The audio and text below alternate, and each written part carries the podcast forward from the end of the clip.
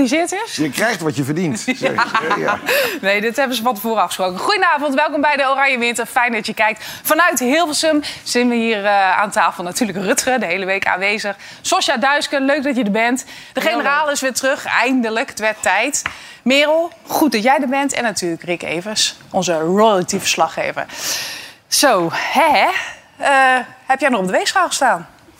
Nou, is dit voor Ik weeg, al, openingsvraag? ik weeg al zes jaar 100 kilo. Verder, verder gaat hij En niet. verder gaat het niet. Nee. nee, maar we hebben het elke keer over jouw, eh, jouw gewicht. En je bent aan het, eh, behoorlijk aan het afvallen. Want je zit inmiddels op hoeveel kilo? 22 kilo en 3 gram. Ja, dat is echt knap. Ik ben naar het toilet geweest. Ja, vreselijk. En wat is je streefgewicht? Niet. Nee, je kijkt op Ja, hoe nou, doe je het eigenlijk? Het, moet wel onder ons blijven. Ik werk langzaam naar de urn toe. Dus ik, over een jaar of twintig moet ik in de urn passen. Dus doe het rustig aan. Oh ja, nee, dat doe maar heel rustig aan. Doe ik ook. Maar wat doe je om af te vallen? Ik eh, slik daar een eh, pilletje voor, dat, tenminste in het begin. Want dan krijg je er minder trek van. En na een tijdje gaat het vanzelf. Dus je eet minder, beweegt meer. En, En zijn ze eh, blauw, die pilletjes? Of- Eh, om, en- om, om en om. Want de eerste keer kreeg ik een stijve nek van. Ik dacht dat je erop moest zuigen. Maar goed, in ieder geval. Weer Nee, meer maar, details. nee, maar Merel die schaamt zich nu al kapot. Die denkt, oh nee. Zit er de mantelzorg? hè? Dat weet je. Ja, ja, ja. moet op hem letten, hè? Dat Zij is mijn afgesproken. mantelzorger. Ja, heel goed. Maar je, je moet heel even uitleggen. Een pilletje, wat voor pilletje? Kunnen wij dat ook Dat heet- halen? ja, dat kan. Als de dokter dat goed vindt. Het heet Ribelsis. Dus je moet wel een, een vorm van obese hebben. En als je merkt dat je... Voor mij maakt het allemaal geen donder uit hoe zwaar ik woog. Maar op een gegeven moment zie je dat je, je, waarde, je bloedwaarden de verkeerde kant op gaan. Dat betekent eh, al die dramatische dingen waar je uiteindelijk dood van gaat. Dus ik heb die pilletjes genomen. Met de deal met mijn dokter gesloten dat ik meer aan beweging zou doen. En dat heb ik gedaan. En ja, ik ben gewoon... Wat doe je dan? Ja, ik Gewoon hetzelfde als altijd. Veel for en laat mijn bed uit. Nee, ja. gepensioneerd. Ja, ja maar als, als beweging bedoel ik. Ik ga twee keer per, jaar, eh, twee keer per week ga eh, twee keer per jaar ga ik naar de dokter toe. En twee keer per week ga ik naar een visio. Oh ja, En- met de auto wel. Dat wel, als het regent. Ja. Maar eh, die zegt, ik ga met jou niet sporten, maar ik ga met jou bewegen. Dat trok me meteen enorm aan natuurlijk. Die geeft je oefeningen om de dingen die zeer doen... om die, eh, ja, dat een beetje verlichting te geven. Maar het aardige ervan is, en dat was voor mij belangrijk... als ik met iemand afgesproken heb, dan ga ik ook. Ik ben ook een jaar of zes lid geweest van een sportschool... zonder dat ik er ooit geweest was. Want ik heb altijd wel een reden om niet te gaan. Maar als ik met iemand afgesproken heb, dan doe ik dat. En dat werkt bij mij hartstikke goed. Dus Ja. ik heb een hele goede fysiotherapeuten voor jouw leeftijd. Fantastisch. Nou, hartstikke goed. Ik ben blij voor je, Pieter. Eh, Heb jij ook zo'n leuke dag gehad vandaag? Lekker begin wel dit zo. Hè? ja, hè? ja, nee, ik heb eh ja, onwijs een leuke dag gehad. Ik mocht, eh, want het is nog steeds schoolvakantie. Dus ik mocht met de kinderen lekker naar Artis. Ik ben blij dat ik hier zit. Ja. Ja. Dat lijkt me vreselijk. Dat is echt de hel. Ja. Is dat, ja. Nee, dat is echt hel. En, je moet naar je kinderen, overigens, ze zitten hier, dus nu is het verraden. Maar eh, nee, eh, eh, je moet wel naar ze blijven lachen en zeggen dat je dit ook heel leuk vindt. Maar ja, het zijn natuurlijk allemaal dieren die zitten opgesloten. Het is allemaal zielig eigenlijk. En je ziet die dieren ook kijken van, nou, heb je er weer een paar? Jij staat in de regen. En je staat ook nog eens een keer in de niet. regen met een capuchon Zij zitten droog. Ja, zo is het ook weer. Ja. Oh. Het is echt verschrikkelijk. Nou, ik ben blij dat je hier zit. Ik ben ook weer een blij beetje dat ik hier zit. Worden. Gaan wij eh, voor zorgen vandaag. Mantelzorg, Merel. Sosja, ja, ken jij dit programma eigenlijk wel? Want jij gaat altijd om half tien naar bed. Dat is eh, geheel juist. Ik heb even een disco-dutje gedaan voordat ik hier naartoe kwam. Eh, maar ik ben er weer. Nee, ik, eh, ja, ik ken het. Ik heb het de hele week eigenlijk gevolgd. Gisteren heb ik het alleen niet gezien. Maar ik vind het helemaal gezellig. Ik ben blij dat ik er ben. Ja, want het is wel de bedoeling dat je hier aan tafel natuurlijk je mening geeft. Nou, weet Ja, we- nou, de toon is gelijk ook even gezet. Ja. Wel weer even, ja. Wij zijn heel benieuwd, want jij doet echt ontzettend veel verschillende dingen. Ja, Even een, een wat betere introductie van jou. Je bent presentatrice, je acteert, je verzint zelf programma's. Nou, Wakku Wakku kennen we natuurlijk allemaal. Keuringsdienst Ja. van waarde. Waar, waar- ligt je hart? Waar ligt mijn hart? Eh, nou ja, bij al die verschillende dingen doen eigenlijk. Ik vind het heel fijn om allemaal verschillende dingen te doen. Ik eh, eh, ja, word er niet zo blij van als ik steeds hetzelfde doe. Ik heb die afwisseling heel erg nodig. Dus ik ben heel blij dat geen week bij mij hetzelfde eruit ziet. Ik eh, vertelde in de aankondiging al dat jij een prijs hebt gewonnen. Dat is al Ja. een paar jaar geleden. hè, De Philip Bloemendaal-prijs. Dat is niet zomaar eentje. Dat is voor het grootste journalistieke presentatietalent. En de jury die zei... Dit is een vrouw met een mening en dan kan een groot opiniemaker worden. Ja, nou dat gaan we vanavond meemaken Ja. of dat zo is. Voel die druk, zou ik zeggen. Ja, no pressure, no pressure. Ja, Nee, leuk dat je er bent. heel leuk, ja. Hij gaat weg, hè? Hij gaat gewoon echt weg. Heb je al geboekt? Wat? Die gaat weg. Ja, je grote vriend. Bruce... Oh, Dick, Dickie. Dik advocaat. Sorry, ik dacht, ik zat helemaal nog in het dart met Ja, maar Bruce jij hebt veel vrienden, Merel. Ja, nee, nee. Die allemaal weggaan. Tegelijk. Kijk hier. Iedereen verlaat me. Nee, eh, ja, nee, Dick gaat... Ja, misschien toch wel. Tenminste, hij is nu weer to- toch in gesprek met eh Curaçao Ja, inderdaad. ja, ja, daarheen om bondscoach te worden. Daarvan, Ja. Kees Jansma wil die meenemen. En Cor Pot, die is voor ons natuurlijk heel bekend. Voor jou ook, Cor Pot? Ja, Ja. wel leuk als hij het doet, toch? Lekker het zonnetje. Hartstikke leuk, hè? Ja. Veel Nederlandse jongens die daar naartoe gaan. Ja, en Merel, die, eh, die gaat daar ook naartoe. Ja, ik ben in ADO eh, heb ik hem opgezocht. Dus dan denk ik dat ik hier ook wel even... eh, Ja, jullie hebben een soort liefde, hè? Nou ja, Dick is geweldig. Ik vind Ja. Dick echt een hele leuke man, ja. Hey, heb jij gisteren nog eh, een glas wijn naar de tv gegooid? Eh, nee, maar ik vond het wel heel jammer. Eh, of tenminste, ja, het was eh, Luke, Luke Humphries, eh, die heeft uiteindelijk het dart gewonnen. Die is wereldkampioen geworden. Eh, en daarmee is het sprookje van Littler, die 16-jarige jongen die, die 30, 40, 50 lijkt, ten einde gekomen. Maar ehm, ik had, ik, het was wel een mooi sprookje geweest als het ook echt daadwerkelijk was gelukt. Alleen ja, goed, Luke Humphries had er ook nog nooit één gewonnen. En die heeft ook wel wat mentale problemen gehad en dat overwonnen. Dus het is, ook, het is ook wel goed zo. Alleen ik vond het zo lullig voor hem. Hij stond voor een zaal. Dus stond hij die trofee omhoog te houden. Vol met teleurgestelde mensen eigenlijk. Want iedereen die had graag wel die Littler zien winnen. En, en niet iedereen juichte echt. Dus ik vond het ook ergens wel sneu dat hij dan nog voor zo'n zaal dat stond. 16-jarige jongetje, toch? Ja. Ja, Ja, die, die heeft dus nu de tweede prijs. precies, ja, ja, ja. Die had de gunfactor. Met de Ja. 21-jarige vriendin. Daar was een hele hoop over te doen. Dan denk ik, ja, waarom? Nou ja, dat heb ik gisteren gezien. Waarom dat zo is. En als je die sport doet, dan ben je het best in bed, toch? Ja, Dat heb ik gewoon te houden. ja kan jij een beetje darten? Nou, dat niet, maar ik heb wel hetzelfde lichaam. Dus eh, ik wil niet te veel, niet te veel afvallen. Wie, wie is jouw favoriete darter? Wat zeg je? Wie is jouw favoriete darter? Ja, ik vind eh, onze, die met dat kale hoofd van onszelf, onze grote Gerwen. vriend van Gerben, daar ook wel een beetje van. Maar Ja. gisteren, voor dit keer was het helemaal niks natuurlijk. Nee, zonde. En dan dat hij dan achteraf overal pijn heeft, ook wel een beetje moe van. Daar zijn we niet van. Of je Nee. doet mee of je doet niet mee. Die Ja. achteraf. Geen excuses. Dus voor verliezers, hè? Ja. Rick, nou ehm, zit jij eigenlijk al in een, een zwart gat inmiddels.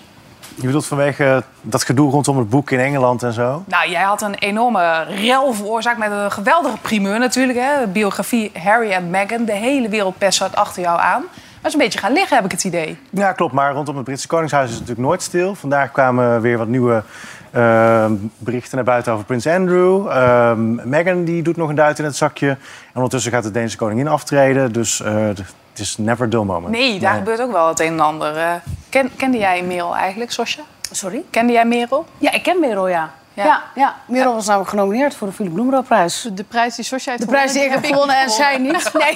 Wat lullig. En ook al geen talent geworden Nee, afgelopen is- jaar. nee, het gaat alleen maar moeten actie Al mijn voeren. vrienden gaan weg om me heen. Ja. Nee, het is... Maar je hebt wel een mooi jasje aan. Ja, mooi jasje. Ja, goh, uit Van jou zou die nou weer komen? Blijf maar in de mantel zorgen. Deze heeft ze nog niet aangehad. Dat is al Nee, doe ik volgende week. Ja, Ja. oké. Maar wist je dat zij ook eh, goed boos kan worden? Nee, nee, dat is dat zo? Kan ik goed boos worden? Ja, Ja, Oh, het is ook nieuw voor Merel, hoor ik. Nee, nee, nee. nee, het, Nee. is- het kan echt een bitch zijn. Lekker. Jeetje, jongens, wat is het voor slangenkuil? Wat gebeurt hier? Helemaal lekker. Nou ja, kijk maar Kijk even. maar even. Kan je zelf En u weet het, het zal niet aan ons liggen. Wij eh, gaan hopelijk eh, heel snel aan tafel daarover. Nee, mevrouw Jezielgus, mevrouw, nee, mevrouw Jezielgus. U heeft net heel lang bij Rutger Kastenkamp gestaan. Mevrouw Jezielgus, kunt u heel even terugkomen? Ja, maar u kunt toch hier ook even naar... Dit is echt ongelooflijk. Ja. Nou, alleen daarvoor al had ze die prijs moeten winnen. Vind ik ook. Ja, En- toch? en- maar Vind ze ook. had Ja. echt, ja, ik noemde het nog even, maar ze had echt al heel lang bij Rutger gestaan. Die neemt altijd, die Ja. staat dan vooraan en die doet dan een soort diepte-interview Met met die praten politie. ze wel allemaal gewoon. Maar maken jullie... Dat vroeg ik me af, maken jullie dan nooit onderling afspraken wie als eerste mag? Of is het gewoon... Ja, we doen de hele tijd aan Rutger zo, maar daar luistert hij niet Nee, maar je moet ook Dus, bovenop eh, hem klimmen. Dat ja. werkt beter. Ja, nee, dat Ja, hebben we gezien moet inderdaad. Sowieso, dat moet sowieso op mij klimmen. Maar nee, het is, nee, maar het is een, eh, een eh, soort van poeltje wat jullie hebben. Hè? Dus Ja, je doet met, dus één camera Ja, en ze dan, hebben maar één camera. En dan ja. staan ze met SBS en RTL geloof ik. En dan moeten ze NOS, allemaal, ja. Het is allemaal heel scharrig, maar met één camera. Dus ze moeten ook wachten op een beurtje. En Je kan bij- ook niet- Kijk, bij de NPO, wij, ik loop als. NPO met drie camera's daar rond. Dus ik kan gewoon gaan en staan waar ik wil. Oh, dus niet zo gek dat ze een beetje gaan bezuinigen. Nee, dat sowieso niet. Nee, nee. niet al te veel, niet al te veel. Nee, maar ik, heb de, ik sta dus op een ander plekje dan waar jij al Ja, jij kan bewegen ook. Is dat de Ja. hiërarchie een beetje? Wie, wie is de grootste pain in the ass eigenlijk? Ja, Rutger. Ja, nog steeds? Ja. ja. het scherpe randjes zijn er wel een beetje af, maar... Nou, kijk uit. Hè? Nou, we zullen het zien. Pieter, ehm, iets anders. Want eh, ik, ik zei al, het wordt een beetje een zwaardere uitzending. Want er zijn ook best wel eh, serieuze... Blijf maar doorgaan, hè. De hele tijd dat. Jongen, jongen, niet dat weer. Dat was die niet bedoeld. 22 jaar, oh sorry. Nee, er zijn best wel serieuze onder, onderwerpen. Maak jij je eigenlijk zorgen over de onderbezetting in het leger hier in Nederland? Ehm, nee. Waarom niet? Omdat ik denk dat wij de juiste keuzes moeten maken. Iedereen zit, eh, roept elkaar na van ja, het is zo erg, we kunnen geen personeel krijgen. Dan roept er iemand anders, we moeten weer tanks hebben. Dus nog meer personeel wat er niet is. Dus we moeten dan doen waar we goed in zijn. We zijn ongelooflijk goed in high-tech. We zijn heel goed in cyberoffense. We zijn heel goed in, in wapens die ingewikkeld zijn. Raketten, onderzeeërs. Dus we moeten met minder mensen gewoon meer high-tech spullen kopen. Dat is goed voor onze industrie. We moeten leren beter met ze samen te werken. Dan kunnen we met minder mensen veel meer effect hebben. Zo is het gewoon. Dat gezeur over te weinig mensen, daar ben ik niet van. Nee, want in 2016 was er volgens mij nog een of andere proef met lichte criminelen. om ze zo weer een kans te geven. Nu wordt er geopperd, joh, waarom zou je mensen met een, nou, een lichte criminele achtergrond niet gewoon verplicht. in plaats van gevangenisstraf in het leger plaatsen als een soort strafkamp? Zou dat iets zijn? Nee. Omdat je kunt, kijk, je leidt mensen op gedisciplineerd om als het erop aankomt eh, elkaar te vertrouwen, niet weg te lopen en eh, tot de dood er eventueel op volgt je best te doen. Als iemand wordt opgepakt omdat het in zijn hoofd niet goed zit, omdat hij vindt dat hij dingen van andere mensen kan stelen, iemand die dus niet te vertrouwen is, dan is de Defensie niet een instituut waarbij we, omdat we allemaal van die filmpjes hebben gezien van oh wat is het heet, 100 jaar geleden in de houding worden getremd dat het allemaal goed komt. Dat is onzin. Dus het moet anders. Ik vind dat wij de discussie, dat zag ik van de week ook op, eh, toen het over BOA's en zo ging. Waarom heeft niemand respect voor politie? Als iemand zijn middelvinger opsteekt naar politie, dan zeggen we nou, de middelvinger mag niet. De, middel, de ringvinger wel, je mag wel lul zeggen, maar geen homo. Als iemand het, het gezag niet serieus neemt, zeggen met jou praat ik even niet. Je gaat met mij mee in de auto, over 24 uur praten we verder, achter de tralies de groeten. Nu wordt het alleen maar erger. Dus we, doen het, we pakken het verkeerd aan. Dus ik vind nee. Defensie antwoord is nee. Daar is Defensie niet voor bedoeld. Die mensen moeten eerst weer terug eh, opgevoed worden als nodig is. En we moeten leren dat onze jeugd, als ze dat thuis niet meekrijgen... na een jaar dienplicht dingen moeten doen die ze niet leuk vinden... waar ze aan gehouden worden. En zo leer je langzaam maar zeker dingen te doen... waardoor iedereen zich houdt aan de regels die je gelden. En zo niet ga je erbij zitten. Ja, nou tegelijkertijd En er zeg je... uit, nee, betreft, een beetje sommige. harder aanpakken, zeg jij. Ik zit meteen even te denken... Ik, ik hoorde vandaag iets, of tenminste dat las ik... over de vredeseenheid van de politie. Ken je dat? Nee? Nou, ken jij het? Zoals... Nee. Vredeseenheid, eh, die hebben een speciaal bandje, die politieagenten. Een, een rood of oranje bandje. En die zet zich dan in bij eh, Extinction Rebellion, hè, bij die, eh, die blokkades. En dan zijn ze aanspreekpunten. Dus dreigen die mensen iets verkeerds te doen... dan kunnen ze in gesprek gaan met de vredeseenheid politie. En dan gaan die uitleggen, kun je beter niet doen, want zus zo. Is dat Ja, ja. iets of denk je, nou, dit is slap gedoe? Nou ja, dat deescaleren is volgens mij wel heel erg belangrijk. Eh, eh, en dan, dan heb je het nu over een groep die altijd bij het verkeerde gebouw gaat staan. Dus dat is sowieso wel handig dat je daar af en toe even wat psychische hulp bij... eh, die staan voor het ING-kantoor. Dat eigenlijk al heel lang het Ja, wel ING-kantoor verkeerde kantoor. Ja. Ja. Kan Nee, gebeuren. Ik, vind, ik bedoel, een beetje psychische hulp bij deze groep vind ik wel, vind ik wel aardig eigenlijk. Ja. dat En jij, wel gebruiken. Ja, nou, ik, denk dat, ik ben het wel inderdaad wel met Rutger eens. Ik denk dat dat deescaleren dat, dat, dat het een handige tussenstap zou kunnen zijn. Ehm, ja, dat eigenlijk. Als je gelijk met die knuppel erop gaat, weet je ook hoe het toch, Pieter? Jij weet dat toch ook? Je moet niet gelijk knallen, of wel? Jawel. Ja? Je vraagt wel de verkeerde. Ja. Want als je de eerste keer doet, de tweede, als je de eerste keer doet, dan denk je de tweede keer, dan krijg ik daar een knuppel in mijn nek. Maar als Ja, ja. je zegt, ik wacht even tot de vrede zijn uit er is, nee, die met die roze bandjes, die is voor mij. Ja, ja. Er zijn maar twee bandjes, zitten schakeltjes tussen, achter in de auto, afvoeren en dan spreken we elkaar Dus achter niet- de tralies. Oké, Ik zit zelf al achter de tralies de hele tijd, dus... Pieter, jij zegt gewoon dus echt wel wat harder aanpakken. Als we dus kijken naar het leger. Aan de andere kant, je hebt ook het Zweedse model. Het Zweedse model is dat een soort lichtere variant hè, van dienstplicht.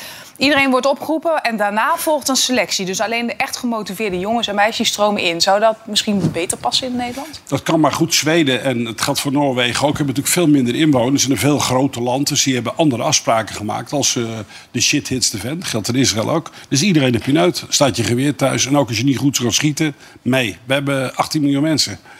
En ga met de Nederlander nou eens zeggen, jij gaat nu mee. Ja, Zonder vredeseenheid. Nee, Nee. dan blijf Ik maar thuis. heel moedig die lui van Rebellion überhaupt op de snelweg gaan zitten. Laat ze dat op de A27 doen, eh, vlak voor 4 uur. Nee, nee, nee, want dan kunnen wij er niet meer door. Maar dat Laat lost zich vanzelf op, geloof me. Echt. Merel. Terwijl eh, de politieke hete brei in eh, Den Haag lekker een beetje suddert. Ehm, ja, is het natuurlijk nu reces. Gebeurt er dan ook helemaal niets? Nou, eh, het is nog hier, de week hiernaast ook nog reces. Dus ze hebben echt best wel een lange reces. Dat gebruiken Kamerleden dan die derde week eh, vaak weer voor stukken lezen. Die, eh, die blijft dan op de plank liggen of voor werkbezoeken. Maar de formatie die heeft nu wel echt een week stilgelegen. Alleen die is deze week wel weer begonnen. Maar ze zijn nu informeel aan het formeren. Ja, wat Dus- houdt dat in? ja, zonder eh, Ronald Plasterk sowieso, zonder de informateur.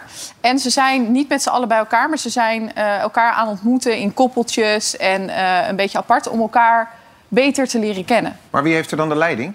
Ja, zij dus. Ja, maar dat dan toch, iemand moet dat dan toch eh, Nee. organiseren? Nee, dat, nee, ze organiseren het dus onderling. En ze zijn, ze zijn dus elkaar. Het is ook meer algemeen om te kijken hoe, hoe sta je in het leven, hoe kom je nou eh, tot wat je denkt. eh, Maar Merel, wat dus is er nou voor een onzin? Ze kennen elkaar toch al jaren? Ja, ze, ze hebben dus blijkbaar toch meer tijd nodig om dat vertrouwen eh, wat er is en elkaar toch beter te leren kennen. Je Beter kijkt heel kennen, erbij. Nee, maar ik vind het ook heel gek om elkaar beter te leren kennen. Dan denk ik, ja, ja.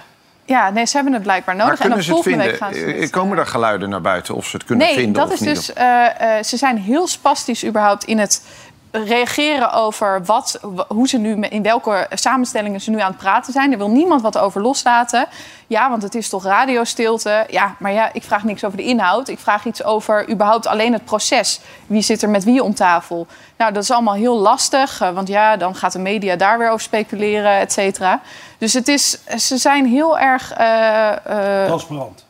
Nee, totaal niet. Een stuk beter geworden. Ja, en dat zijn we natuurlijk op zich van een formatie enigszins gewend. Zeker als het gaat om inhoud. Maar dat je überhaupt niet meer vertelt eh, wie in welke samenstelling bij elkaar komt en wie, eh, wie Ja. met wie spreekt. Maar wat doe jij dan nu de hele dag eigenlijk? Ronddraaien door Nederland om te kijken of ze ergens tegen Jasjes, jasjes passen. Nou, ik, ik heb wel een ideetje voor je. Misschien is het leuk om te gaan vogelspotten. Oh, Ja, dat is haar hobby. Ach, hou op. echt. Vogelspotten, dat vind je toch leuk? Ja, ik vind vogelspotten vind ik inderdaad leuk. Maar Ja? dat is in de lucht met een verrekijker lekker ver. Ja. Want vogels bij mij in de buurt is geen succes. Wacht even, dus je houdt van vogelspotten? In de lucht en weg en daar. Maar hier af, afgrijzelijk. Ja, maar, nou, toch even een klein testje. Want als jij vogelspot Nee, Wat is eigenlijk de meest bijzondere toch? vogel die jij ooit hebt gespot? Wat zeg je? De meest bijzondere vogel die je ooit hebt gespot? Eh, de goudvink. De goudvink. De goudvink natuurlijk. zag ik op de Veluwe, ja. Ja, zijn er daar veel van in Nederland? Ik heb geen idee. Eh, dat, kijk, dat moet je me dan weer niet vragen, dat weet ik niet. Maar ik had hem nog nooit gezien. Het is een vogel met hele felle kleuren. En Hetzelfde als een blinde vink? Of Slaving. lekker slavink? Lekker, hè? slaaf. Zelfs de slavink eigenlijk, ja. Zo lekker. Nee, maar maar, maar ik, ik zit me even voor te stellen. Ja. Dus dan zit je met zo'n verrekijker en denk je... Hey, Die ken ik nog niet. Of heb je ja, een boekje? grote bonte specht. Ja, ik vind dat heel leuk. Ik heb een boekje. Ja, ik heb een vogelgids gewoon. Ja, ja, leuk. ja, Maar ik zo- vind dat heel leuk. Welke is dit? Jongens, weet ik veel. Jawel. Laat me gewoon, het is een hobby. Dit- Laat maar lekker dat Ik zal het je even vertellen. Dit is de geel-blauw gors. Wie kent hem niet? Ja, Uit Oost-Siberië. geel- ja, maar dat wist ik eigenlijk Maar wel, ja. voor het eerst sinds 40 jaar gespot in Drenthe. Ach, Ja. voor het eerst in 40 jaar? Ja, gespot in Drenthe. Vorig jaar. We hebben er nog eentje. Gewoon even kennis testen. Ja, dit is ook een leuk. eh, educatief programma. Dus eh, kom maar eens door. Wie- Wat is dit? Wat is dit, joh? Ik weet. Dit is, dit is de Bobolink. De? En die heeft zo, de Bobolink heeft zoveel vetreserves dat hij 18.000 kilometer kan vliegen. Dus ja, Pieter, zover kom jij niet. Ga nou, laat Pieter toch eens heel even met rust. Wel een beetje informatie erbij. hè? Maar dit is toch eigenlijk iets voor oude mensen. Zo oud ben jij toch nog? zo. Maar jij gaat toch... Ik bedoel, Misschien als heb je, ik wel een hele oude ziel, Rutger. Dat- dat Ja, maar je gaat, ja, vogelen is toch als je op een gegeven moment echt niet meer weet wat je moet doen. En jij, hebt allemaal, en jij doet allemaal nog programma's na- naast elkaar en zo. Dus je bent hartstikke druk. Een beetje, nou, Nee, maar juist, het spreekt voor je dat je er geen een herkent wel. Dat Nee, maar het is juist een lekkere tegenhanger voor dat drukke leven. Dat je af ja. gewoon lekker die, ja, het ja, bos ja, ingaat ja, met maar het is ook wel ja, zeer vrijblijvend ook wel, merk ik. Ja, dus het is heel goed We hebben, we hebben nog eentje. Wat, wat is dit? Komt u wel? Ja, je moet het horen. Nee, dit... Oh, dat is, dat is Merel Eck. Merel, de Merel. De Merel! Ja, we zitten later in de week, wordt steeds flauwer. Ja, ik net zeggen, Dus dat betekent dat we morgen echt... eh, Oh, nou ja, jongens, goed. Ik zou zeggen, blijf gewoon lekker kijken. Zo, Rick, we gaan even naar jou. Jij denkt, waar ben ik in beland? Maar dit is eh, toch echt niet heel veel anders dan VI, volgens mij. Hoeveel koninginnen heeft Europa eigenlijk nog? Margrethe is de last queen standing. Ja. Ja, eh, Elizabeth was ervoor. Zij heeft altijd beloofd, ik blijf tot ik erbij neerval. Totdat ik, eh, zolang ik blijf roken, blijf ik regeren. Heeft ze ook gezegd, nou, ze is dus vorig jaar al gestopt met roken. Want ze moest geopereerd worden vanwege een hernia. Dat is ook officieel de reden waarom ze nu eigenlijk toch echt gaat stoppen. Het Maar daar geloof zwaar. jij niks van, hè? Nou, ik geloof het eigenlijk wel, want er er zijn nu complottheorieën. Eh, een, een Engelse collega van mij die zegt... nee, het is juist vanwege kroonprins Frederik. Die heeft een affaire gehad afgelopen jaar. Eh, juist toen het Spaanse koningspaar op staatsbezoek kwam... toen werd bekendgemaakt dat hij een Spaanse lover zou hebben. Een van oorsprong Mexicaanse socialite die ehm, nou ja, best wel bekend Dit, is in, dit eh, is in een huidige echtgenoot. Frederik is... eh, nou, hij staat echt wel bekend als een familieman in, in, in Denemarken. Hij is een ontzettend liefhebbende vader, eh, liefhebbende man ook. Nee, maar echt Ik zie serieus. jou kijken, Als je toespraken van, van, ehm, van hem ziet en, en eh, het contact met Mary... Hij, hij jankt wat af, zeg maar. Het is een, het is een waarom heet hij dan Turbo Fred? Want dat is een bijnaam. Ja, voordat Turbo Mary... Fred? Ja, Turbo Fred. Turbo Fred. Nou, dat is een, volgens mij heeft, eh, heeft een Belgische collega die benaming verzonnen. Hij heette de Casanova kroonprins in Denemarken. Ehm, hij had nogal veel eh, eh, modellen in zijn, eh, in zijn contactenlijst staan hij voordat goed. hij Mary leerde kennen. Ehm, met de een heeft hij ooit een ongeluk gemaakt. Dan heeft zij de schuld op zich genomen... terwijl ze ook nog eens dronken achter het stuur zou hebben gezeten. Dus heeft de boete betaald, et cetera. Hij kwam er makkelijk vanaf, kon zich niet verloven met, met dat meisje. Andere modellen werden ook niet goedgekeurd door Margrethe. Nou, toen kwam uiteindelijk in 2000. Ehm Frederik zit in hetzelfde clubje als Willem-Alexander. Het is echt een vriendenclub. Eh Felipe van Spanje ook. Een, een, een wachtkamer van troonopvolgers was dat destijds. All Een Boys. Network. En allemaal zaten ze ook in dat IOC, het eh, Internationaal Olympisch Comité. Dus met z'n allen gezellig. Daar naar eh, Sydney was het toen. En daar in de kroeg heeft hij zijn Mary Donaldson ontmoet... die uiteindelijk nu de kroonprinses is geworden. En vanaf volgende week zondag dus ook koningin van Denemarken. Ja, en bedrogen dus. Ja, dat wordt gezegd. Nou, sterker nog, een paar jaar geleden, eh, nou, een paar jaar geleden, inmiddels is het 12, 13 jaar geleden volgens mij, dat eh, de, de tweeling van die twee moest worden gedoopt. Twee dagen daarvoor stond hij nog in een nachtclub met een andere vrouw eh, te dansen die absoluut niet Mary was. Ja, dansen mag natuurlijk, maar in dit geval kwam die toevallig een aantal maanden geleden echt s ochtends vroeg het appartement van deze dame in Madrid uit. Eh, waar hij dus de nacht heeft eh, doorgebracht. Dus Ja. dat is wel een kleurrijk koningshuis. Ja, zeker. Maar het is een, Margrethe is echt een heel ouderwetse koningin... met alle toeters en bellen erop en eraan. Eh, ik ben een beetje bang dat Frederik en Mary het gaan moderniseren. En dat zou toch ook wel weer jammer zijn eigenlijk. Margrethe die ontwierp decors, eh haar eigen kleding. Van, taf, van, van die eh, plastic tafellakens maakten ze haar eigen regenjassen bijvoorbeeld. En jij vindt vreemd gaan vallen onder modernisering. Nee, dat is juist ouderwets. In het Koningshuis is het juist heel ouderwets eigenlijk. Dus, maar er wordt dus door zo'n Britse collega wordt gezegd... ehm Margrethe heeft nu bedacht om de troon over te dragen... Zodat, ehm, zodat de weg vrij is voor Frederik. Nou, dat lijkt mij niet. Je gaat niet iemand belonen oh, met zijn wangedrag... en van, nu hoef je geen verantwoording meer aan iemand af te leggen. Nu ben je zelf de koning zometeen. Maar was het niet zo dat je op het moment dat je koning wordt... dat je minder makkelijk kan scheiden... en dat dat de reden is, of een van de redenen om de troon af te staan? Tuurlijk, dat zou van de ene kant kunnen inderdaad. Maar ehm, scheidingsgeruchten die gaan eigenlijk in iedere monarchie wel eh, om de haven klappen. Ook in Spanje, ook in Nederland wordt het wel eens gezegd. Ook onze eigen koningin zou een eh, affaire hebben gehad met een Argentijnse man. nou weer? Oh, sorry. Oh, Kende je die ja? niet? Nee, die Ja. ken ik niet. Ja, Maxima? Ja, nou, ik weet niet waar ze de tijd vandaan zou moeten halen, maar... eh, Nee, want ze hebben meer gewerkt dan ooit eh, afgelopen jaar. Dat is één ding. Oh, dan gaan we je achteraan, snapt het wel als je de man ziet, toch? Ja, goed. Je wil ook wel even een keer iets leuks erbij. Ja, dat kan ik me inderdaad voorstellen. Ja. En, en eigenlijk hoort het bij de tradities, hè? want eh, je trouwt natuurlijk niet omdat je iemand zo leuk vindt... of omdat je van diegene houdt. Het is omdat je trouwt voor volk en vaderland. En voor Komen ze nu mee? Komen ze nu Heb mee? weer. Na 47 jaar. Jij bent Bedankt, geen koning, hè? Jongen, jongen, dat Ging jij in, in je tijd eh, bij de MIVD... Ging jij, ging jij toen wel eens echt alleen op je gevoel af? Ehm, nou, als het over de toekomst ging, eh, niet. Nee. Maar misschien moeten we dat wel meer doen. Gewoon op ons gevoel afgaan. Want uiteindelijk als je op je gevoel afgaat... dan krijg je tenminste heldere antwoorden. Ik heb het gevoel dat het april, mei, dat hij weg is. En als je aan mij vraagt, waar is hij dan heen? Dat weet ik niet. Maar ik zie hem opeens verdwijnen. En als je vraagt, gaat hij overlijden? Dat weet ik niet. Maar hij is weg. Gevoel bij mij. Ja. Puur gevoel. En hoe is jouw gevoel?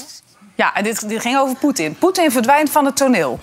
Dat is een Zoals- gevoel. Zoals ik in de Veiligheidsraad met Rutte ook had. ja, Ik heb het gevoel dat, eh, dat Poetin eh, over een zes maanden weg is. Ja, ja. Met de aantekening van gemaakt. En dat was het. Ja, de er pointe helemaal van het verhaal. op dit. Ze gaan het eruit. Nee, Nou ja, Poetin, die is... eh, you never know. Die gaat, ik hoorde het haar zeggen. Nou, we gaan zien of hij er in april nog is. Het kan zijn dat hij uit het ziekenhuisraam dondert... of dat hij de overkant van een zebra niet haalt. Maar er zijn, is op dit moment geen enkele indicatie voor. Hij heeft iedereen om zich heen die in gevaar is geëlimineerd. Hij heeft nog Maar- maar één wordt- tegenkandidaat. En die heeft waarschijnlijk kans met de verkiezingen. Maar er wordt er ook wel van, van eh, eh, ex-medewerkers gezegd dat het er wel aanstaande is, las ik ook laatst. Of is dat dan helemaal. Niet, niet nou dat we Liesbeth haar gevoel achteraan moet gaan, maar zitten daar. zijn- bedoel, zo'n bericht is dat ook niet op feiten gebaseerd? Jawel, omdat er altijd oligarchen omheen zitten die heel veel geld hebben. De- Mede door hem veroorzaakt. Hij is een van de rijkste mannen ter wereld overigens. En eh, op het moment dat zij een bedreiging worden, worden ze geëlimineerd. Dus ze proberen dat in principe natuurlijk altijd voor te zijn. Je ziet dat dictators nooit, bijna nooit op een leuke manier aan hun eind komen. Maar Dus zie jij dat gebeuren? Voorlopig niet. Dus op dit, kijk, anders krijg je indicaties dat er ergens in het land weer dingen aan de hand zijn waar die oligarchen zich dan weer hun steun in kunnen vinden. Maar zelfs de moeders van gesneuvelde militairen komen niet aan het woord. Hij heeft echt als een, heeft het echt een ijzeren greep op dit moment in het land. Eh, als je me vraagt of ik het leuk zou vinden, dan kan ik daar helaas geen mededeling over doen. Maar ik zou wel eh, een biertje met je gaan drinken daarna. En moeten wij En dan komt weer een ander. En moeten wij daar bang voor zijn eigenlijk? Want ik las laatst ook een heel stuk in de Telegraaf... dat de baas van de, landmacht zegt, de landmacht zegt... Het, komt wel eens, het zou wel eens dichterbij kunnen komen. Ja, Onno Eigelsheim. Ja, hem nee, nee, nee, nee, nee. Dat, is, eh, dat was niet al Eigelsheim. Dat was de afscheidnemende commandant de landstrijdkrachten. Eh, en die zei, eh, er komt gewoon oorlog. Eh, niet wanneer, het gaat niet over eh, of, maar wanneer.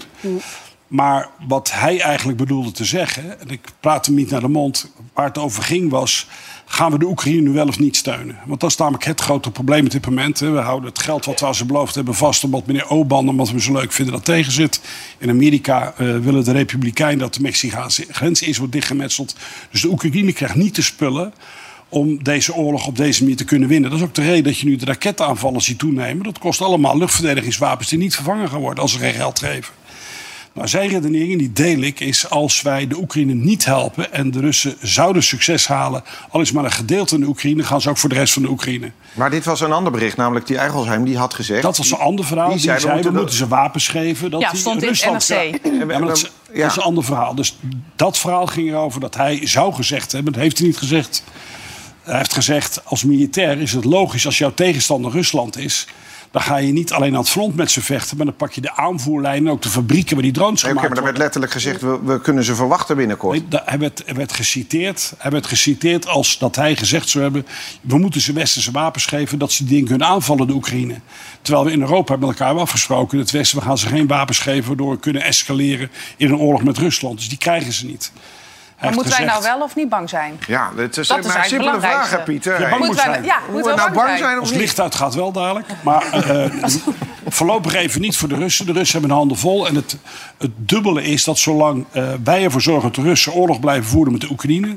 hebben ze niet tijd voor ons. Hebben wij de tijd om ons weer sterker te maken. Dat we niet aantrekkelijk worden om het volgende doel te zijn. Want het volgende doel, hè, nog- ik moet er toch een paar woorden aan wijden. Als het in de Oekraïne lukt, is Moldavië aan de beurt. Als Moldavië aan de beurt geweest is, dan komen de. Baltische Staten in zicht. En de Baltische Staten, daar ligt Kaliningrad boven, een exclave, Russisch.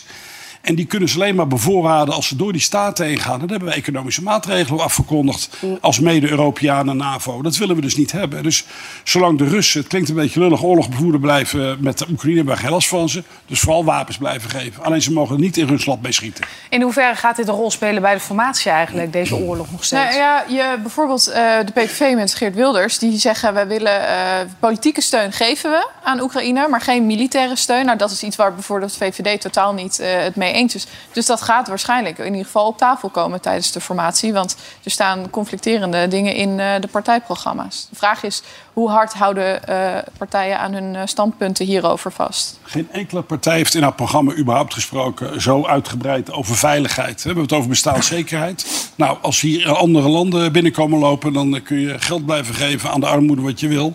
Dan is er geen bestaanszekerheid. Dus we moeten eieren voor ons geld kiezen en die veiligheid serieus nemen.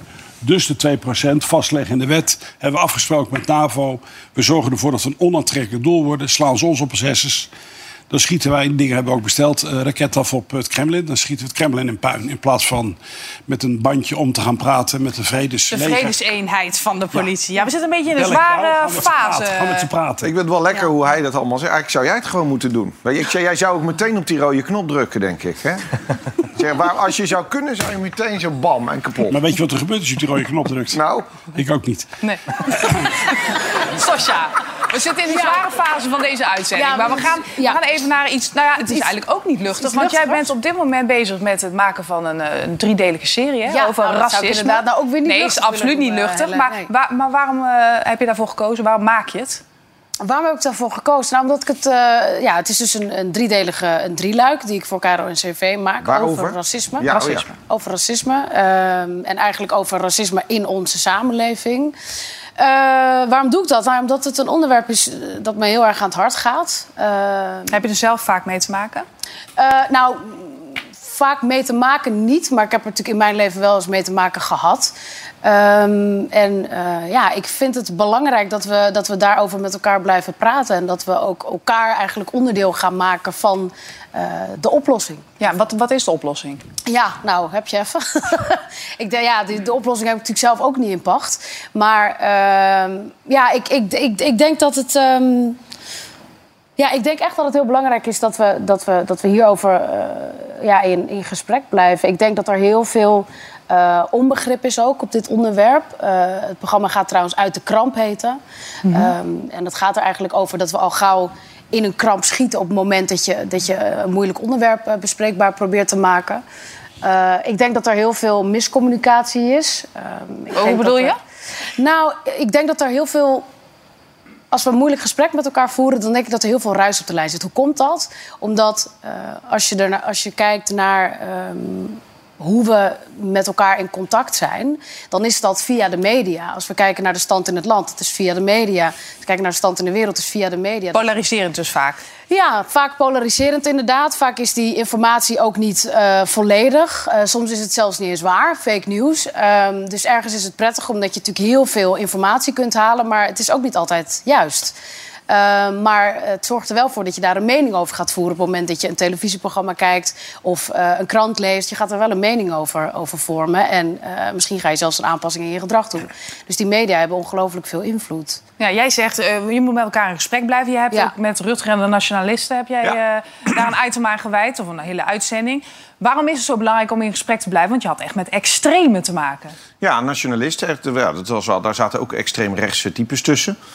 En eh, wat jij nu gaat doen, wat ik ervan begrepen heb... eh, wat ik zeg, jouw oproep ook op Instagram... eh, waarbij jij eigenlijk zegt van... ik wil beide groepen aan het woord laten... en ik wil beide... eigenlijk- Ik wil eigenlijk uit de kramp vind ik eigenlijk al een, een, heel, een hele mooie missie. Want dat is wat er moet gebeuren. Ik heb dat met Rutger en de nationalisten ook gedaan. Dan heb ik met mensen gesproken waarbij eigenlijk... Ja, die zijn eigenlijk na, na een halve zin worden die al weggezet als racist. Ja. Eh, eh, ehm, en dat betekent niet dat je niet kritisch op ze moet zijn. Want er komt soms ook een derry uit waarvan je denkt van ja, maar daar, dat is niet de bedoeling. En dan moet je, vind ik ook als maker, eh, daar ook wel kritisch op zijn. Dus je moet ook wel zeggen, ja, soms kan het niet wat je zegt. Wil wel naar je luisteren, want ik denk dat dat is wat je altijd moet doen. Ja, zeker. Eh, en dat, dat wat ik Het begint bij luisteren, denk ik. ja, en ik begreep wat, wat jij maakt, dat dat daar eh, eh, in, ook in die hoek zit. En dat juich ik zeer toe. Ja. Ja. Nou ja, wat ik belangrijk vind is dat het hele spectrum eigenlijk van, van dit probleem, van het probleem racisme, dat dat in kaart wordt gebracht. Ja. En daarbij heb je zo, ja, eigenlijk zoveel mogelijk mensen Ja. nodig en zoveel mogelijk stemmen. Ik heb inderdaad een oproep gedaan om, eh, ja, om stemmen uit de samenleving eigenlijk, om mensen echt een stem te geven in het programma. En ja, daar kwamen echt zulke prachtige eh, verhalen eigenlijk uit. Dat ik echt denk, jeetje, eigenlijk zouden we dit veel vaker moeten doen. Op zo'n manier met elkaar in gesprek gaan.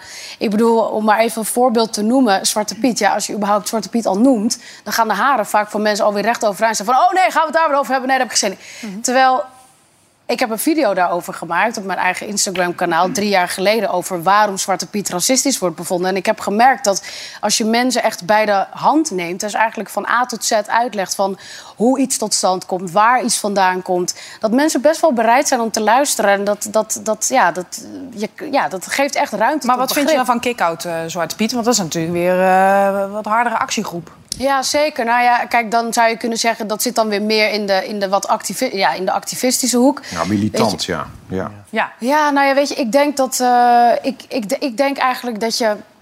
Ik zie het altijd als een, een, een keten van verandering. En ik zie activisme als een schakel in die keten van verandering. Ik denk dat je activisme nodig hebt.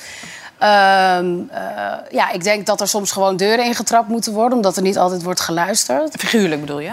Ja, figuurlijk natuurlijk. Ja, ja, ja, nee, nee, nee, figuurlijk. Nee, zeker. Ehm, dus ja, ik denk, dat je, ik denk dat je activisme nodig hebt. Maar goed, omdat door de toon van activisme... wordt activisme ook niet altijd goed begrepen, denk ik. Nou ja, wat mij daar ook wel echt heel erg aan stoort... is dat Is? als het over racisme gaat... Hè, dan is eigenlijk... Ik denk dat het merendeel in Nederland eh, zegt... ja, tegen racisme, wie is daar niet tegen? Precies. Maar ja. goed, dan moet daar natuurlijk ook nog wel iets veranderen in het gedrag. Dat snap ik allemaal wel. Ja. Alleen op het moment, want ik heb dan dit programma gemaakt... maar ik heb ook eh, inclusief Rutger gemaakt. Dat was een programma ook waarbij ik sprak met mensen van kleur... die ja, die problemen ondervonden en die daar last van hadden. En, die, en dat was zo moeilijk om dat programma te maken. Omdat die dan ineens zeiden... ja, Maar jij mag dit programma niet maken, want jij bent wit. En, en, en ik vind eigenlijk, dat is onze oorlog, niet jouw oorlog. Ja. Dus daar, en daar gaat eigenlijk alles fout. Want je moet zeggen van, nou, ja, als er dus iets aan de hand is... dan gaan we dat met z'n allen oplossen. Dat is de enige manier waarop je het zou kunnen oplossen. Ja. Ik ben eigenlijk wel blij dat je dat zegt. Want dat, zo is het ook. Ik denk Ik zeg ook, ook dat... wel eens aardige dingen. Nou, maar die zijn nog één hand te tellen. Ja, nou ja, dat is natuurlijk. Ik denk, ik denk dat we uiteindelijk allemaal een onderdeel zijn van de oplossing daarvan. En ik denk dat we Ja, maar ja, dan nog verder bij de kern vandaan gaan. En waar het eigenlijk echt over gaat. Als we ruzie gaan maken over wie wat mag Nee. zeggen. En je moet het dus eh, van de ene kant niet in hokjes stoppen... maar dus van de andere kant dus ook niet. Dus Ja, je moet eens. van beide kanten moet je daar heel streng op zijn. Ja, en dus actief zijn. Waar je ook actief eh, mee bezig moet zijn als vrouw zijnde... is af en toe je borst controleren. Jeetje, Heb je wel eens een... Ja, wij zijn hier van de hele harde Ja, ja, ja, ja. Heel- Ik ja. verzint een plek in brug en meestal klopt hij even niet. Doe maar even. Maar kijk er wel even, doe maar Ik kan het even. goed volgen. Pieter, doe jij ook maar even. Heb jij, wel, Anders afgezakt, sorry. heb jij wel eens een mammografie laten doen? Nee, dat hoeft nog niet op mijn leeftijd. eh, Nee. Eh, hier in de zaal, vrouwen, mammografie laten doen? Nee? Ja. Pijnlijk, hè? Ja. Echt heel pijnlijk. Want dan, wat gebeurt er? Je borst wordt tussen twee platen gezet. Het wordt Oh, helemaal ja, squeeze. Maar we gaan even naar dokter Pieter, want eh, er is eh, echt Ja. wel hoop voor de een, vrouw. eh, Een Britse universiteit, eh, dat was gisteren op eh, radio of tv. Die hebben een eh, methode bedacht dat je op een ijzeren plaatje... daar legt de dame de vinger op en die smeert ze één keer over het plaatje heen. En dan van het vingerzweet heeft men genoeg informatie om te be- dezelfde resultaten te bekijken als met de mammografie. Ja. Dus eh, aangezien ik Ja. eh, eh, ook al een tijdje getrouwd ben en mijn vrouw het allemaal niks vond... vond ik het gelijk goed nieuws om tegen haar te zeggen. Ze was Ja. niet blij, ze had net een mammografie gehad. Ze had je iets eerder kunnen zeggen. Oh, het is Stond met mijn ijzeren plaatje. Ja. Maar dus, dus dat is nog. Eh het is net ontdekt. In, eh, in, in Nederland hebben we er echografieën voor. Maar dat ijzeren plaatje, dat schijnt het helemaal te zijn. Dat is natuurlijk een belachelijke kwelling als die nodig is. Ja, er zijn zelfs vrouwen maar- die dus het, de- het mijden. Hè? Die, die gaan gewoon niet omdat het zo pijnlijk is dat ze, dat ze dit eh, overslaan. Terwijl het wel heel belangrijk is inderdaad. Ja, Ja. ja, maar stel je even voor, ja. ik weet, ja, ik weet, ja, ja, het doet dus heel veel pijn. Ja. Ja. Leg jij dat maar even uit. Ja, precies. Ja. Zometeen dan zijn we terug en dan gaan we nog over heel veel andere dingen hebben. Dus blijf zeker bij ons. Graag tot zo.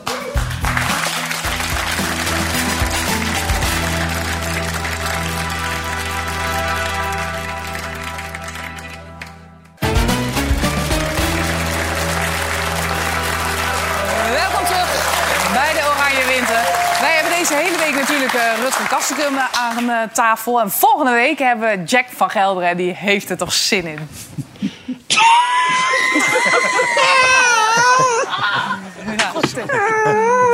Ja, dit kan jij niet, Rutger. Eerlijk Nou, waar. ik kan ook een aardig eentje lachen. hè? Ja, dat is wel- doe eens dan.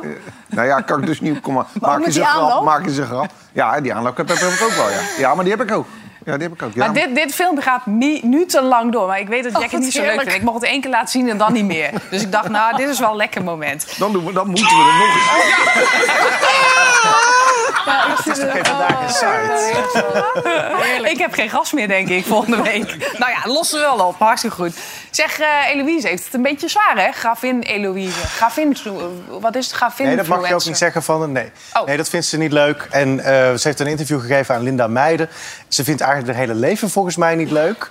Ehm, ze krijgt te veel aandacht, ze wordt herkend, vindt ze irritant. Ze gaat eh, Dat is daarom... ook gek, hè? Dat is wel gek. Heel raar, want ze heeft honderdduizenden volgers op Instagram. En ze is influencer. Ze krijgt eh, deals met Ikea, met L'Oreal, weet ik veel wat allemaal. Ehm, dus ze harkt lekker wat geld binnen. Maar ze vindt het wel vervelend dus dat, ze steeds, dat iedere scheet van haar zo wordt uitgemeten. Nu hebben we het er weer over natuurlijk. Want in dat, eh, ze zegt dat ze dus nu naar het buitenland ga- gaat. Ze gaat naar New York toe om daar ehm, eh, een buitenlandstage te Ja, doen. even bijkomen. Ja, inderdaad. Ze kijkt er naar uit om lekker in de luwte te gaan leven. Dat niet iedereen op haar let. Ja, het hoort er een beetje bij, inderdaad. Ze heeft zelf die keuze gemaakt natuurlijk om openbaar te gaan. Eh, zij hoeft niks hè, binnen de koninklijke familie. Ze krijgt geen geld, ze krijgt geen paleis onder de kont. Ze moet gewoon zelf gaan werken voor haar, voor haar leven. Ehm, dat, Zoals jij, hoe kijk jij naar? Want eh, je, zij is continu in de media. Dat doet ze natuurlijk Ja. zelf. Ze, ze profileert zichzelf graag. Niks mis mee. Maar ja. dan zegt ze nou, ik dacht vervolgens... inderdaad dat ze zichzelf in het begin ook echt duidelijk zo profileerde. Zo van, ik ga hiermee naar buiten en ik ga dit, ik ga dit ownen. Dus Maar ze is het nu eigenlijk dan dus zat, begrijp ik. Ja, dat is een beetje gek natuurlijk. Want van de ene kant heeft ze soms wel een goede boodschap. Bijvoorbeeld dat we. Ze, ze heeft bijvoorbeeld nu een bedrijfje waarmee ze tweedehands kleding gaat inzamelen. Duurzame, eh, het, het hoogwaardige tweedehands kleding wordt dan naar, gaat dan naar goede doelen. Ja. Ehm, maar dan vertelt ze bijvoorbeeld ook op Instagram... Gucci? je moet, Pieter je moet echt naar, ehm, eh, naar, naar, naar Japan toe om tweedehands kleding te gaan kopen. Ehm, terwijl ze dus ook voor duurzaamheid is. Ik ben gaan opsommen op een gegeven moment. Je bent naar Japan geweest, naar, drie keer naar Italië geloof ik. Eh, Vervolgens naar Parijs. Ze is in Praag geweest, Zuid-Afrika, New York. Dus ik heb haar dat ook eh, voorgelegd. Volgens mij hebben jullie daar een fragmentje van. Wat vindt ze er Ik zelf heb een van? tijdje ook gedacht van dit moet ik echt minder doen. Ehm, maar daarop vind ik wel, je, je moet eigenlijk met alles je steentje bijdragen. eh, en met alles gewoon je best doen. En ehm, waar het kan. En inderdaad, daar hoort ook minder reizen bij. Dat is, dat is ook helemaal waar. Daar ben ik ook wel bewust van. Ehm, maar ik denk, ja, stap bij stap.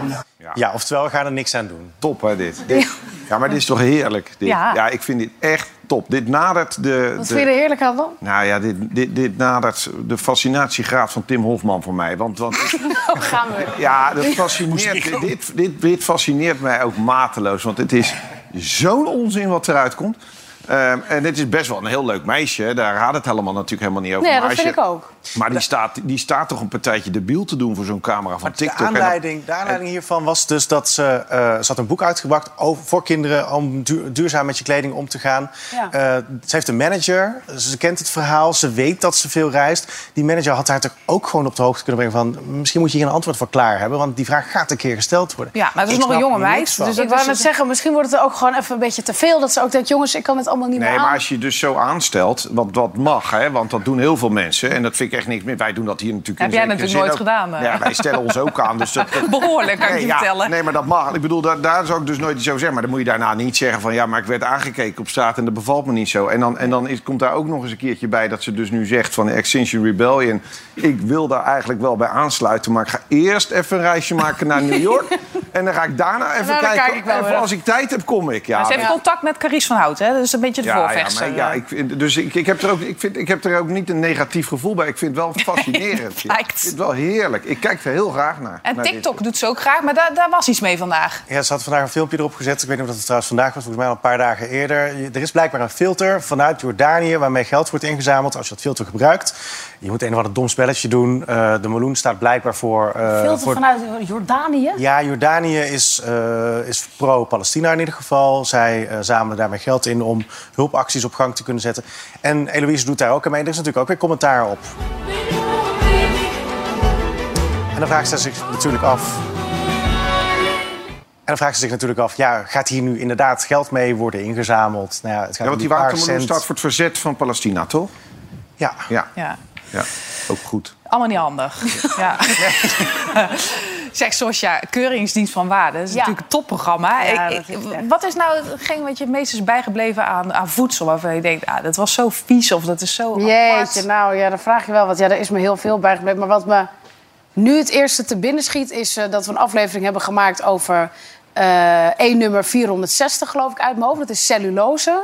En eh, dat is een bestanddeel dat wordt gewonnen uit, uit bomen en planten. En dat eh, wordt dus toegevoegd aan eten, wat je in de supermarkt kunt vinden. En vervolgens wordt er dan op die eh, etiketten gezet bron aan vezels. Nou ja, de grap daaraan is, is dat je die vezels helemaal niet verteert. Dus dat is ook interessant. En dat die vezels ook worden toegevoegd aan bijvoorbeeld eh, pizza's. Om de Nutri-score. En die Nutri-score die moet dan zeggen hoe gezond een product is. Nou ja, pizza is natuurlijk niet zo gezond. Dus die heeft Nutri-score D of E. En als je die vezels, dus die cellulose daaraan toevoegt... dan gaat die Nutri-score naar een B bijvoorbeeld. Ja. Zodat je als consument denkt van... nou, ik heb een semi-gezonde pizza. Nee, het is een pizza. ben je Dus, anders ja. boodschappen gaan doen ook?